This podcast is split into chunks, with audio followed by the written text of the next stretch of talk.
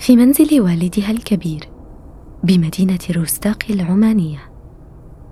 تترك الأميرة موزة البوسعيدي كل مغريات الترف. وتركز ماليا بتحركات والدها مؤسس دولة البوسعيد في سلطنة عمان. طفلة تشدها السياسة والأمور العسكرية. تتطلع بنهم للتعرف إلى دهاليز السياسة وخوارزمية اتخاذ القرارات. ما وضع بين يديها مصير الدولة في أصعب الظروف. كيف قلبت موزة البوسعيدي موازين القوة منقذة بلدها؟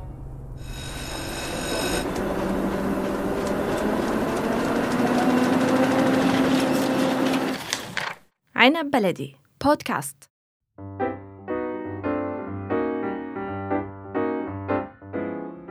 والد موزة البوسعيدي هو الإمام أحمد بن سعيد.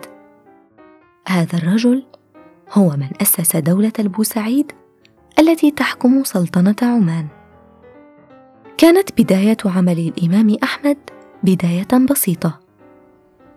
إذ عمل في صغره راعيا للإبل.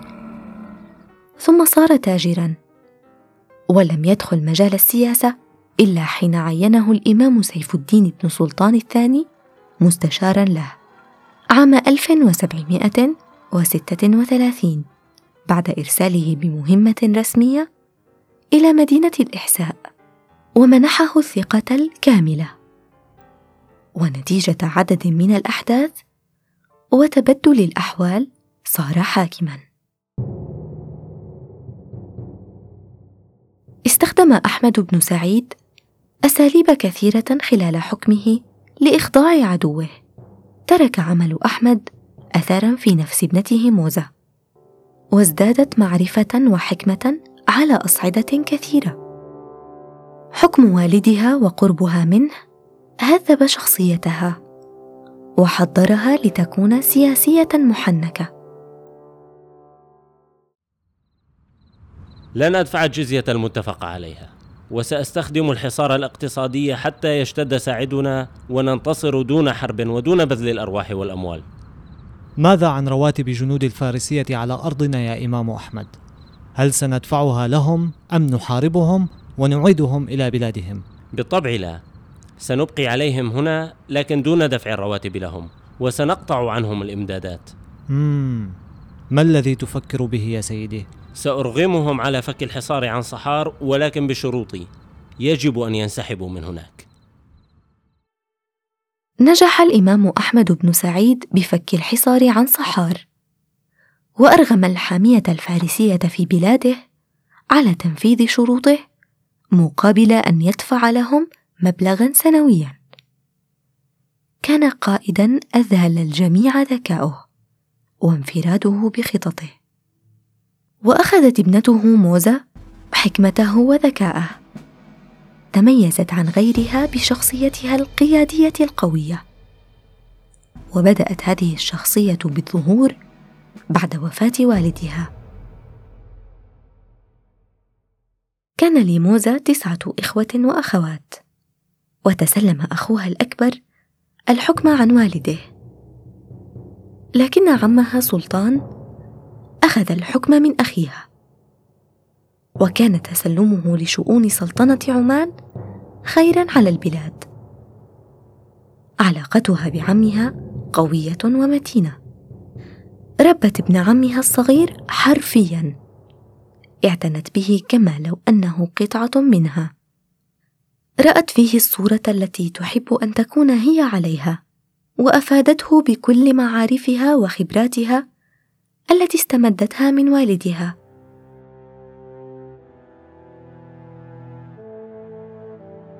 توفي عمها سلطان.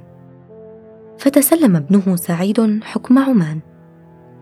هنا برز دورها وعظم شأنها. فخطت معه في كل قرار وكل معضلة. تبلورت شخصية القائد سعيد على يدها. ووجهته إلى كيفية إدارة الدولة بشكل سليم وعادل.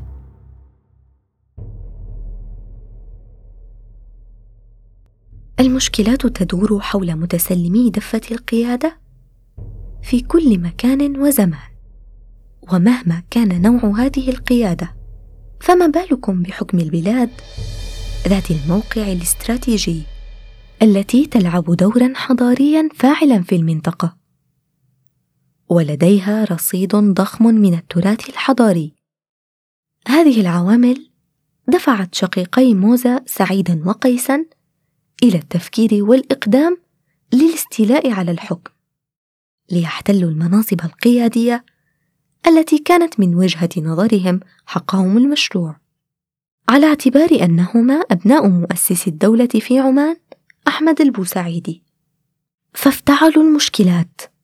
وفرضوا حصارا على سعيد وعلى أخيه سالم.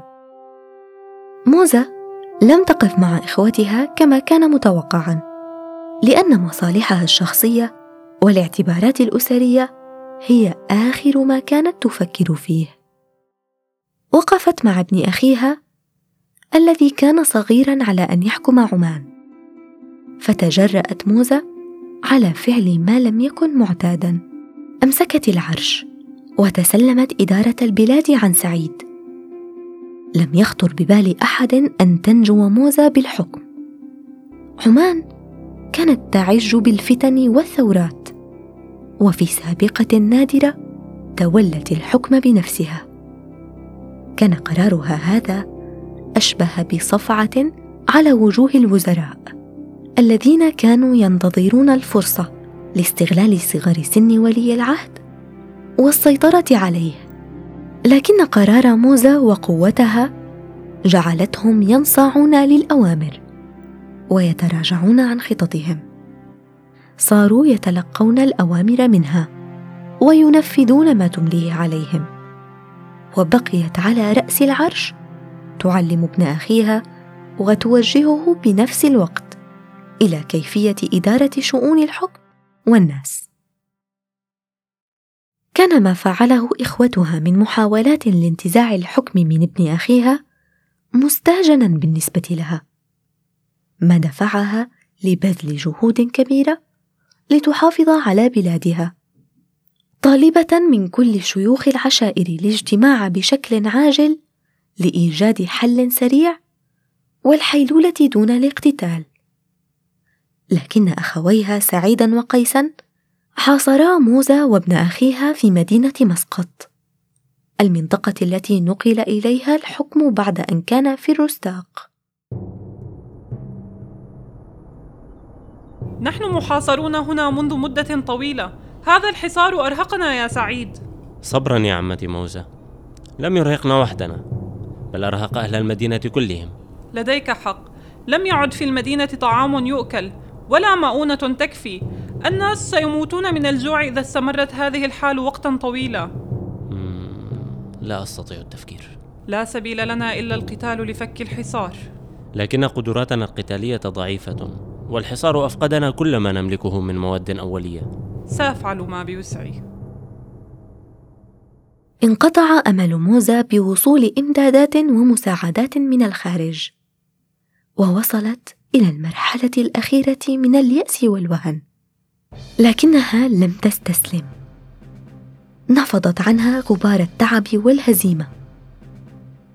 قامت بالخطوة الأخيرة. إما الموت وإما النصر. الهزيمة ليست موجودة في قاموس موزة. كان لدى الجيش بارود كثير لكن لم يكن يملك حديدا كافيا لشن الهجوم بالسلاح. فكرت وخططت. لا مكان للمستحيل لديها. أمرت بتجميع المسامير والأبواب الحديدية وكل شيء معدني من الحديد أو الرصاص أو النحاس في البلد. ثم أمرت بصهره لتحويله إلى قذائف وقنابل.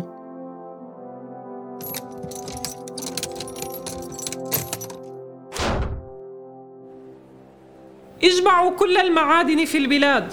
أريد صهر كل ما يمكن صهره. اجمعوا الحصى النقود. نعم حتى النقود المعدنية الموجودة في خزائن القصر. اصهروها لتكون طلقات للبنادق. لن أهزم لن أستسلم. سأفك الحصار وسأنتصر للضعفاء الجوعى. نفذت أوامرها على عجل وحققت نجاحا كبيرا بتوفير كمية كبيرة من العتاد تكفيها للمعركة. بادرت بالقتال. ووجهت سلاحها نحو عدوها. الذي تفرق جنوده وسلموا بالامر الواقع. وأعلن الهزيمة. سلموها مسقط وفكوا الحصار مرغمين. عادت البلاد إلى حكم الأميرة موزة. ثم أعلنت الصلح مع إخوتها الذين أذعنوا لها أيضا. قامت ثورات في عمان خلال فترة حكمها. حتى بعد فترة قصيرة من تسلمها للحكم هبت ثورة كشفت عن صلابتها وحكمتها. صارت محط إعجاب الجميع صغارا وكبارا. ويحكى أنها كانت تشرف على أمور الناس بنفسها حتى كادت هذه الحماسة تودي بحياتها. ذات يوم ترامى إلى سمع موزة أن أحد أعداء بلادها سيلجأ إلى رشوة جنودها. حتى يستطيع الدخول بجنوده واختراق الحصون. أقض هذا الحديث مضجعها ولم تنم ولم تستطع التفكير بشيء. حتى خطرت ببالها فكرة.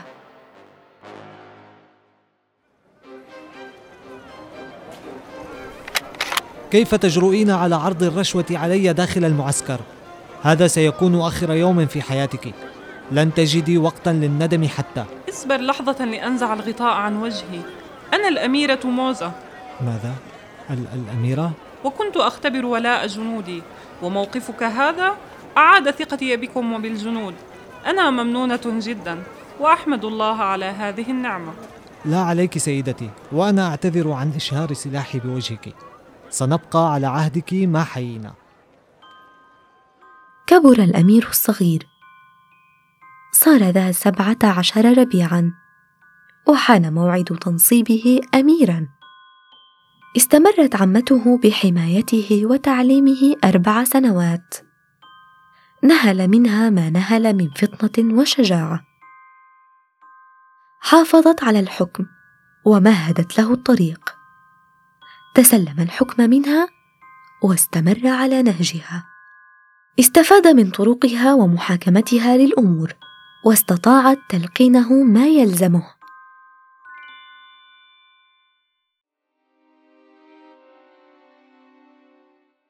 كانت الأميرة قد تزوجت من سيف بن محمد البوسعيدي لكنه فقد حياته قبل أن تحظى بولد منه. لم تنجب ولم تتزوج بعد ذلك. لعل الحنان الذي أعطته لابن أخيها كان كافيا لتعيش دور الأم معه. اقتنعت به وبذلت له كل جهدها. لم تتركه حتى بوفاتها عام 1832 مؤدية الأمانة وواثقة مما تركته لعمان. استمعتم إلى بودكاست نساء من عنب بلدي. أعددت هذه الحلقة وقدمتها أنا سكين المهدي.